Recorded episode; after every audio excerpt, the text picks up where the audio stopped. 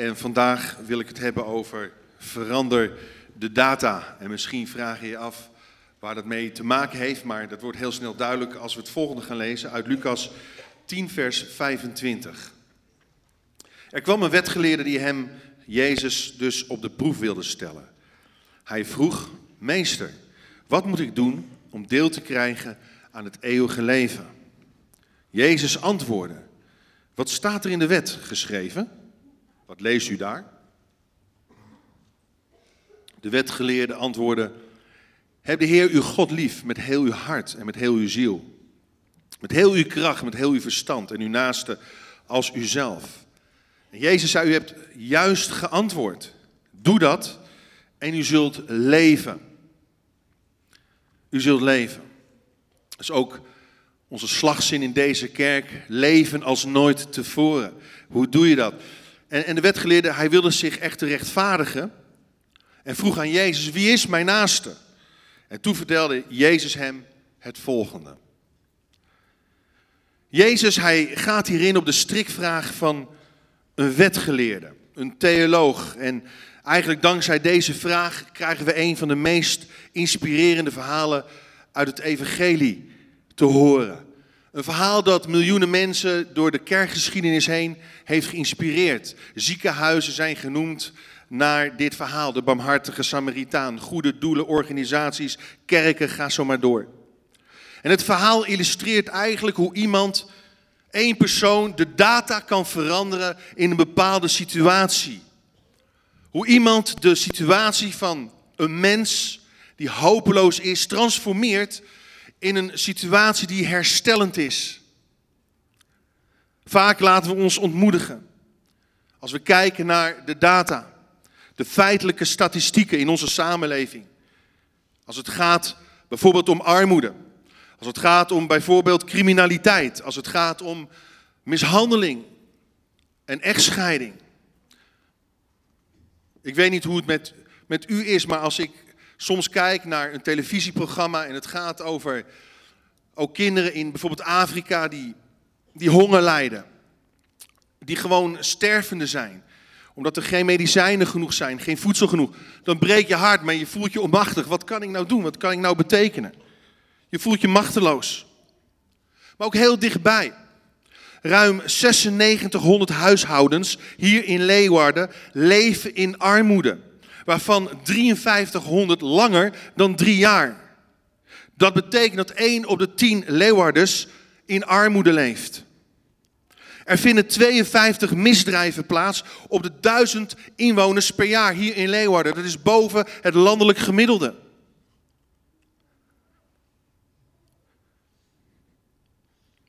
,6% van de Leeuwarders zijn dit jaar nog gescheiden. Dat gaat om meer dan 9000 mensen. Ook bijna 1 op de 10. 54,5% van de Leeuwarders is ongehuwd, waaronder heel veel mensen zich eenzaam voelen en, niet gehoord, niet gezien, niet gekend. Dit zijn slechts een paar data, een paar cijfers. En de vraag is, nemen we genoegen als christenen, nemen we genoegen als kerk met de data die we hebben, met de gegevens die we hebben, met de statistieken die voor onze neus liggen. Met wat de statistieken zeggen. Weet je, verander de data is een gepassioneerd gebeuren. Niet zozeer een cijfermatig gebeuren. Want achter elk cijfer zit een mens. Achter elk cijfer zit een persoon. Een eenzame vrouw, een kind die huilt van verdriet, die gebroken is. Of iemand gevangen in zonde. En kunnen de data in onze samenleving veranderen? En ben ik de persoon? Ben jij de persoon die hierin verschil in kan uitmaken? Ik geloof dat God jou je in je wijk, op je werk of op school heeft geplaatst met een doel. En dat is om verschil uit te maken. Om anders te zijn dan anderen. Om boven het gemiddelde uit te steken. En als we God willen liefhebben, met inzet van heel onze persoonlijkheid en onze naaste als onszelf, dan hebben we een uitdagend model nodig. Dan hebben we een illustratie nodig die oproept tot navolging. Een spiegel waarin we onszelf kunnen zien. En ik kan de data alleen veranderen in mijn omgeving als ik bewust ben van mijn blinde vlekken.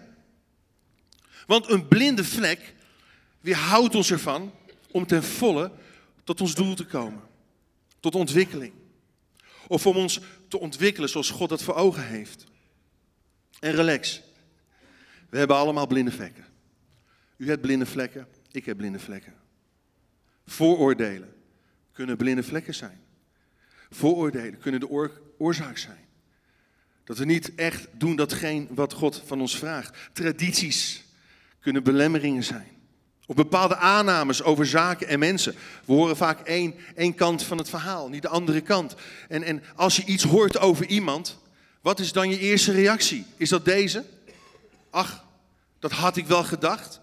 Of dat verbaast me eigenlijk niets. Dat zou dus een blinde vlek kunnen zijn. Hoe ga je met iemand om die anders tegen de wereld aankijkt dan jij? En luister goed, de wetgeleerde zit totaal niet op dezelfde golflengte als Jezus. Absoluut niet. Zijn eigen vraag is eigenlijk de onthulling van de blinde vlek die hij had. De vraag, wie is mijn naaste, is eigenlijk, wie is mijn naaste niet? Of van wie hoef ik geen naaste te zijn? Een blinde vlek belemmert je dus om de data te veranderen. En zodoende vertelt Jezus het verhaal van drie mannen. Hij vertelt het verhaal van een priester, een soort dominee, een leviet, een trouwe kerkganger en een Samaritaan. Die op weg zijn van Jeruzalem naar Jericho. Een beruchte weg. Een bekende weg, beruchte weg, vanwege heel veel overvallen die daar plaatsvielen dieven, rovers. En zij komen alle drie bij een misdadig tafereel uit. Een tafereel waar eigenlijk ieder weer anders op reageert. En zo zijn er, lezen mee, drie mogelijke houdingen tegenover andere mensen. In ons dagelijks leven. Drie mogelijke houdingen. Allereerst de onverschillige houding. Oftewel, blijf uit mijn buurt. Kom niet dichterbij. De onverschillige houding.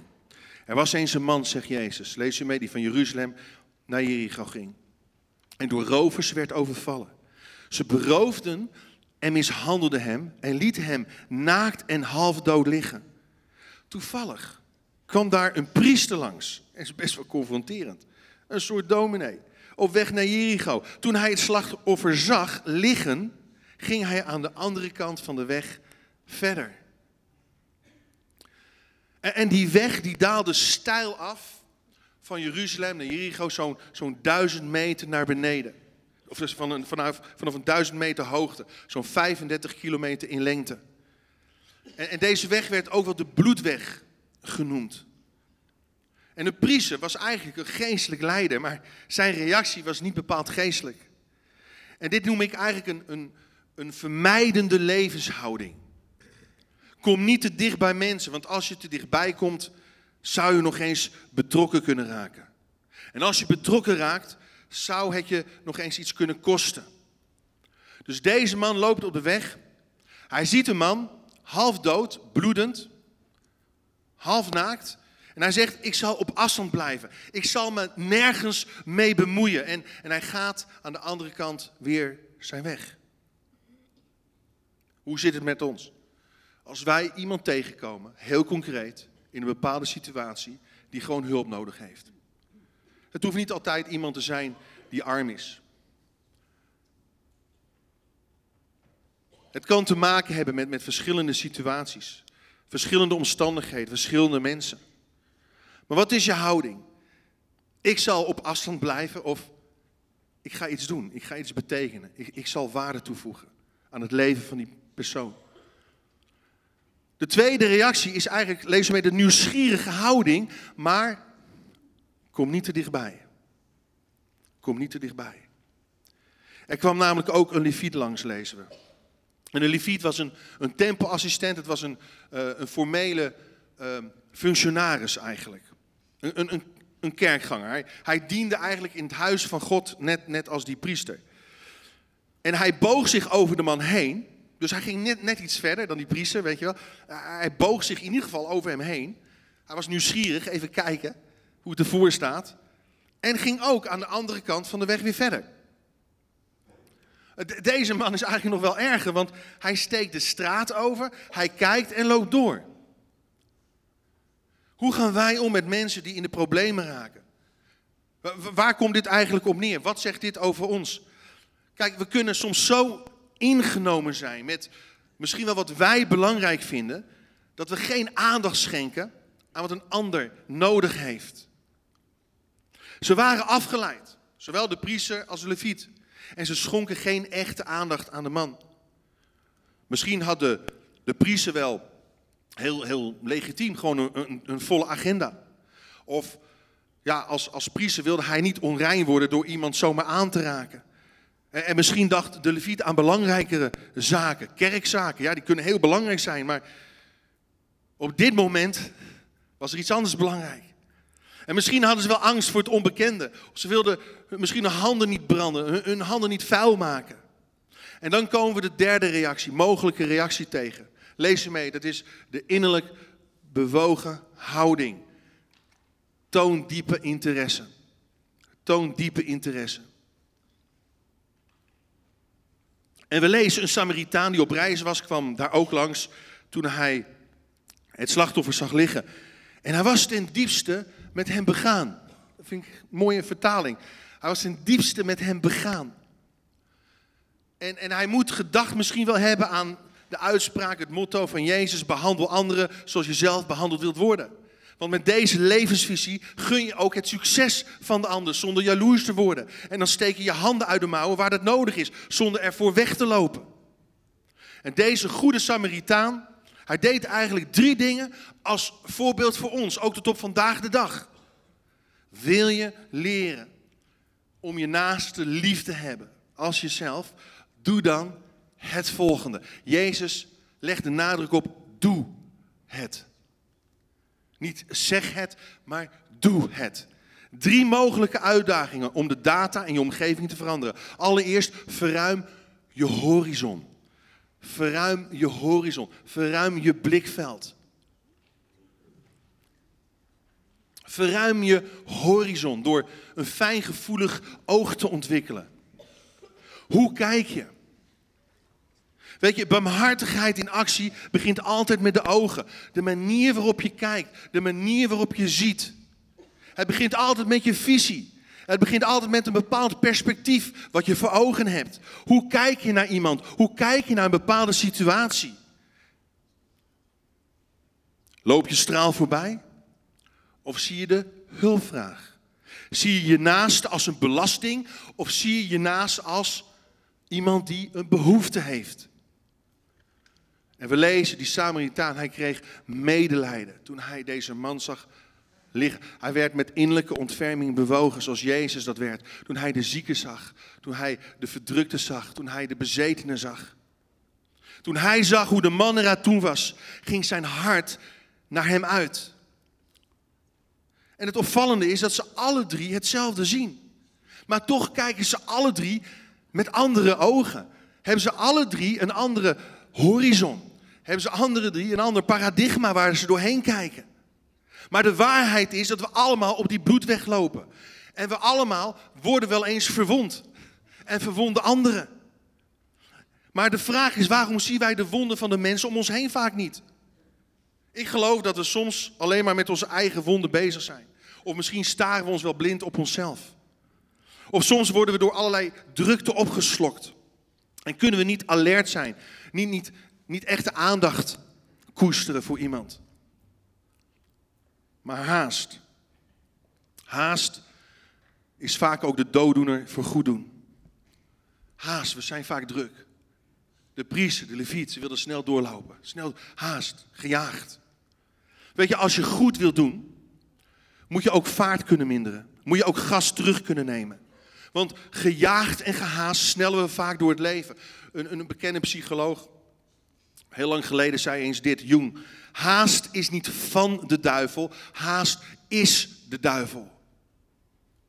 En, en goed doen of barmhartigheid in actie begint Misschien wel met gas terugnemen, met fijngevoeligheid ontwikkelen. Het begint met kijken. Het begint met een bepaalde bewustwording. Wat is hier aan de hand? Het begint met observeren wat er gebeurt. Dus kijk met ogen die doorgronden. Kijk met ogen die door een situatie heen kunnen zien. Dwars misschien door je eigen vooroordelen heen. Dwars door je eigen weerstand heen. Je eigen angsten heen. En dan vervolgens vergroot je empathisch vermogen. Vergroot je empathisch vermogen. Er zijn mensen die met een enorm empathisch vermogen geboren worden. Ik niet. Ik ben niet geboren met een enorm empathisch vermogen. Maar gelukkig is hoop voor mij. En als jij ook niet geboren bent met een enorm... Er is ook hoop voor jou. Je, je kunt het ontwikkelen. Je kunt ook God vragen om je, om je te helpen. Dat, dat vermogen te laten groeien. Maar je moet bereid zijn om het te willen vergroten. Weet je, het is niet alleen een fijngevoelig oog ontwikkelen. Het heeft, dit heeft ook te maken met een, een luisterend oor ontwikkelen. Het is niet genoeg om alleen de nood te zien. Je moet ook bereid zijn om in het gevoel te willen stappen van de ander. En de Bijbel zegt niet voor niets, huil met hen die huilen. Met andere woorden, stap in hun emotie, kom in hun emotie. Voel wat zij voelen. De vraag natuurlijk is, hoe doe je dat? Als, als gevoeligheid begint met de ogen, begint meeleven met de oren. Het betekent dat je moet leren luisteren. Leren luisteren is het geheim voor echte empathie. Weet je, soms is liefde alleen maar een daad van luisteren. Niet, niet, niet eens misschien van iets doen, concreets, praktisch. Gewoon even luisteren. Gericht zijn op de ander. Geïnteresseerd zijn in de ander. Oké, die, die persoon die gescheiden is.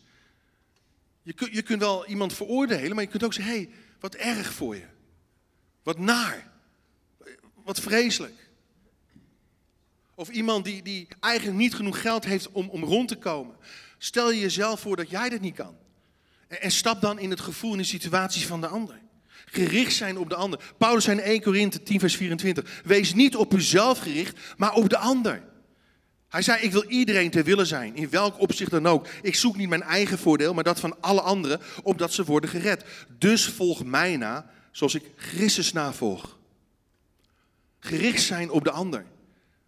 Dan, dan kun, je, kun je gaan luisteren, anders niet. Als je gericht bent op, op jezelf, kun je niet luisteren, kun je niet horen. En, en ik wil hierbij ook nuanceren, iedereen ter willen zijn, is niet iedereen willen behagen. Dat kan niet. Maar het heeft te maken wel met een luisterend oor ontwikkelen. Inhaken op wat er speelt. Inhaken op wat er leeft. Weet je dat, dat luisteren trouwens net zo goed een activiteit is? Het kost ons vaak de grootste moeite. Zo Bailey, hij schreef eens een boek over verdriet, over een, een geliefde persoon verliezen. En hij vertelt dit. Hij zei, ik zat verscheurd van verdriet toen iemand bij me kwam en, en mij vertelde over de hoop die er is. En, en ergens wist ik dat ook wel, dat er hoop is.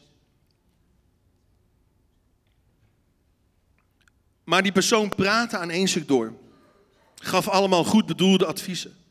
Zei dingen waarvan ik wist dat ze waar waren. Maar ik werd niet geraakt. Behalve door de wens dat hij snel weg zou gaan. Toen kwam iemand anders bij me zitten en, en hij zei niets. Hij stelde vragen. Legde niet uit wat ik nodig had. Langer dan een uur zat hij gewoon naast mij. Hij luisterde als ik iets zei, gaf korte antwoorden en ging toen weg. Ik werd geraakt. Ik werd getroost. Ik vond het zelfs erg dat hij wegging. Meeleven, begaan zijn met, betreft dus de oren. En als we medeleven kunnen tonen, kunnen we begrip tonen. En een van de basisbehoeften van de mens is de behoefte om begrepen te worden. Zo van, hé, hey, je bent niet raar, je bent niet vreemd. Wat jij voelt, hebben anderen ook gevoeld. Heb ik misschien ook gevoeld. En dan ten derde, verman jezelf tot actie. Lees u maar mee, vult u maar in. Verman jezelf tot actie.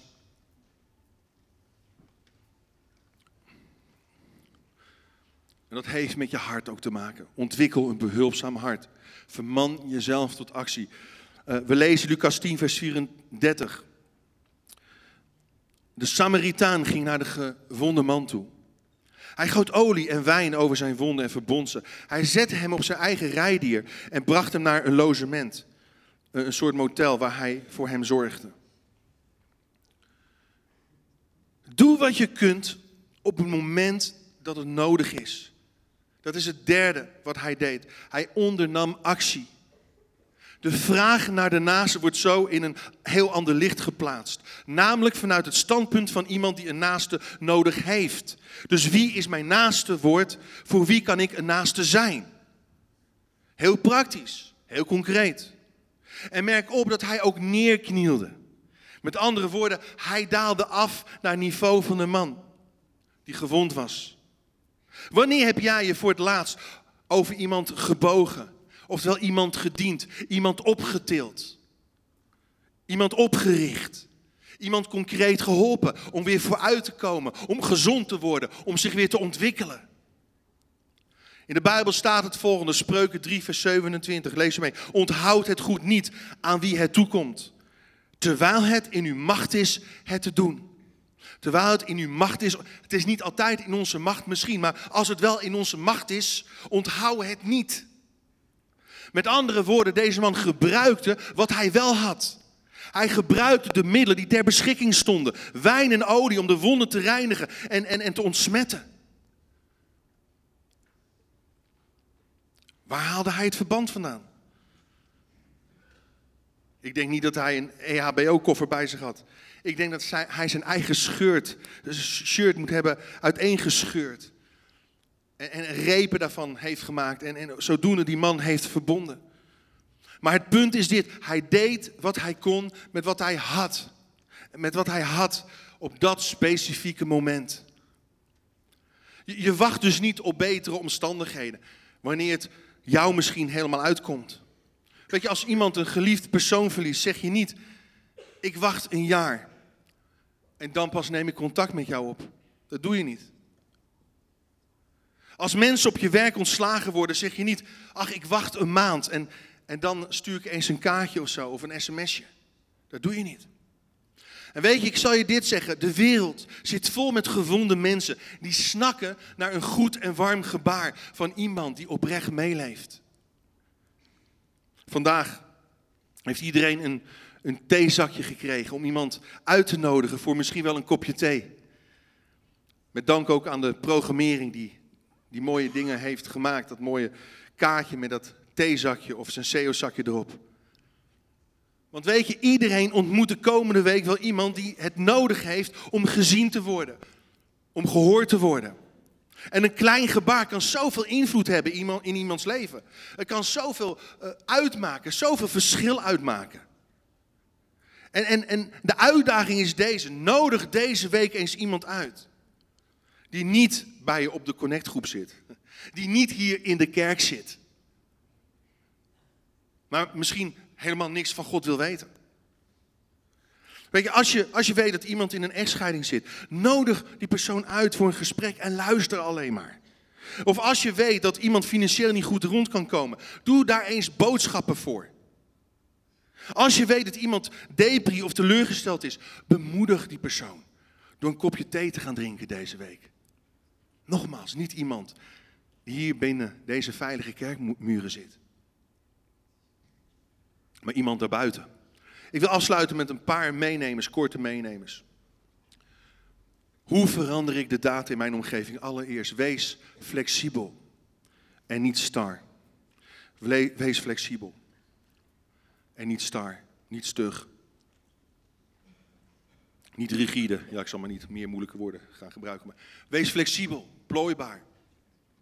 Wees bereid om te worden gestoord. Misschien liep de Samaritaan een grote zakelijke transactie mis, omdat hij stopte om te helpen. Luister goed, deze man was zeer rijk. Het was waarschijnlijk een handelaar, een zakenman. Maar stoppen om iemand te helpen kan soms je hele planning in de war schoppen, of niet? Ja, je had het zo mooi uitgedacht. Vandaag ga ik dit en dat en dat en dat doen. En dan komt er iets op je weg. Ja, wat doe ik dan? Ga ik dan verder met mijn agendaatje? Of stop ik even? Ik zeg hiermee niet dat je geen grenzen moet hebben.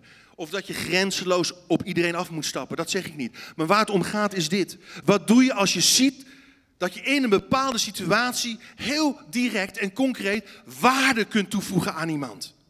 Betekenis kunt geven aan een situatie. Iemand barmhartigheid kan bewijzen. Kun je dan flexibel zijn? Of houd je stug vast aan de waarde van je agenda? Dus wees flexibel. Korte meenemen. Nog één. Wees bereid om te investeren en ook offers te brengen. Offers te brengen. We lezen Lucas 10, vers 35 het volgende. De Samaritaan, hij zegt, zorg voor hem.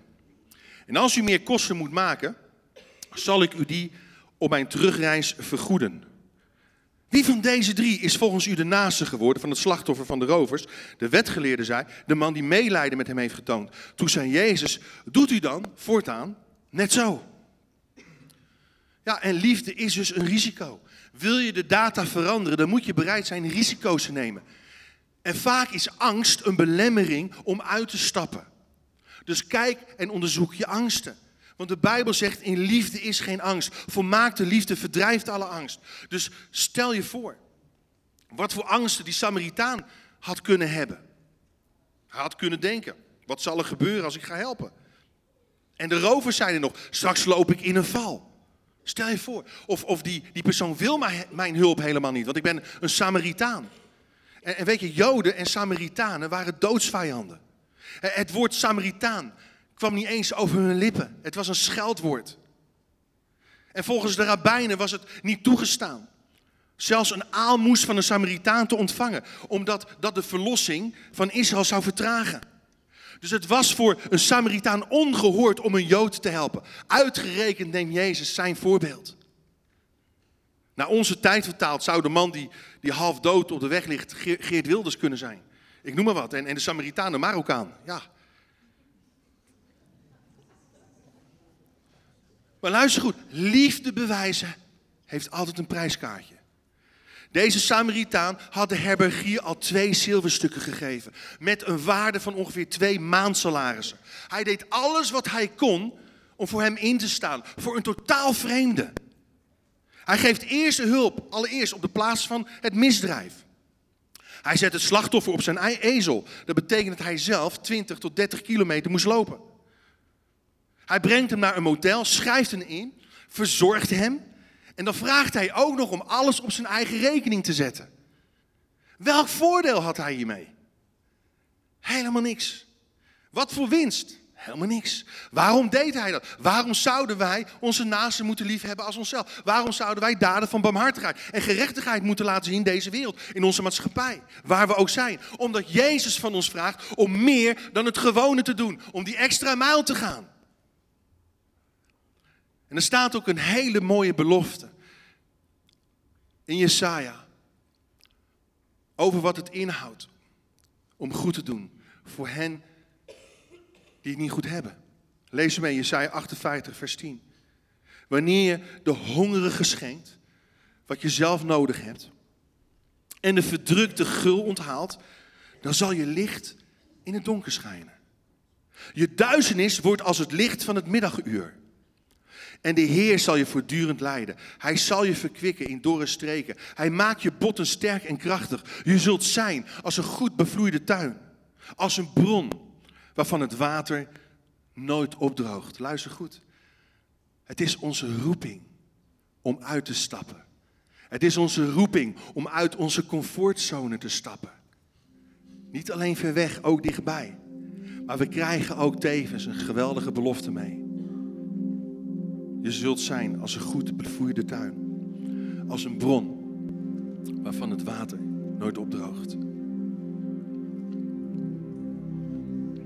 Wat maakt het verschil? Wat maakt het verschil? Jij maakt het verschil. Wij samen maken het verschil. En ook met alle andere kerken maken wij samen het verschil in deze wereld. Omdat we geen genoegen willen nemen met de data die we voor ogen hebben. Verschil uitmaken kun je dus niet alleen. Luister goed. Verschil uitmaken kun je niet alleen. Maar het begint wel bij jezelf. Natuurlijk kun je dat doen door bijvoorbeeld aan een muskathlon voor Compassion mee te doen. Op 29 september hebben we in de Salvato hier in deze kerk een roadshow met onder andere Henk Stoorvogel. Dat is zondagavond over een paar weken. Vele mensen ook uit ons midden zijn, zijn al gegaan, hebben meegedaan aan zo'n muskathlon. En we mogen dan geïnspireerd raken hoe, hoe mensenlevens veranderen, ook tijdens zo'n muskathlon. En hoeveel mensen, hoeveel kinderen geholpen kunnen worden door deze actie. Mensen, kinderen in Oeganda, waar dan ook. Maar luister goed, wat we niet moeten vergeten is dit. Ook heel dicht bij huis. Hier dus, in deze stad, in jouw wijk, in jouw buurt, op jouw werk, mag jij je licht laten schijnen in het duister. In 2018 gaan we met alle connectgroepen en de gemeente een proces in wat hier alles mee te maken heeft. Het Umoja-project zal ons helpen om nog concreter met beide benen kerk in deze stad te zijn. En vandaag heeft dus iedereen zo'n theezakje gekregen. Als start als het ware. Als herinnering om iets heel praktisch te kunnen betekenen voor iemand. De komende week, misschien wel de komende weken. En we willen zo graag weten van jou wat je gedaan hebt met dat theezakje.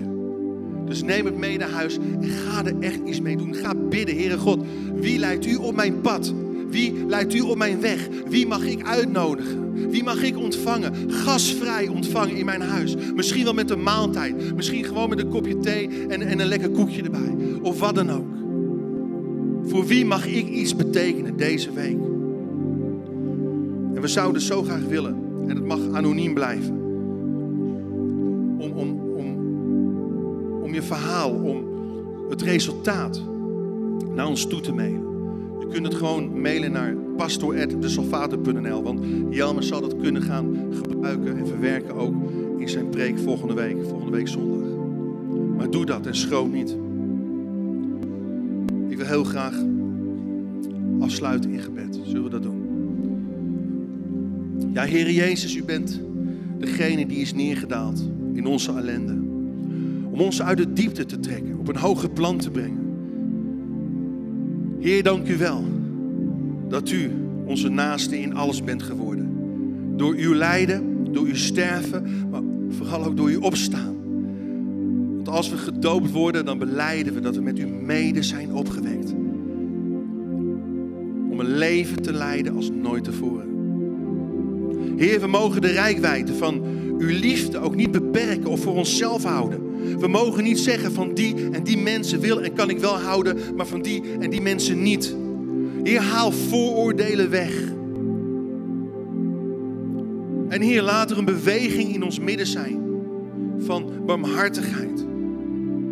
Beweging die deel uit gaat maken van ons DNA, van ons dagelijks leven, van een levensstijl. En Heer, ik bid u dat u ons de komende week zal helpen behoeften te zien zoals wij ze nog nooit hebben gezien. Heer, dank u wel dat u dat geen uitwerkt wat we zelf niet kunnen doen. Geef ons genade en vul ons met uw liefde in Jezus' naam.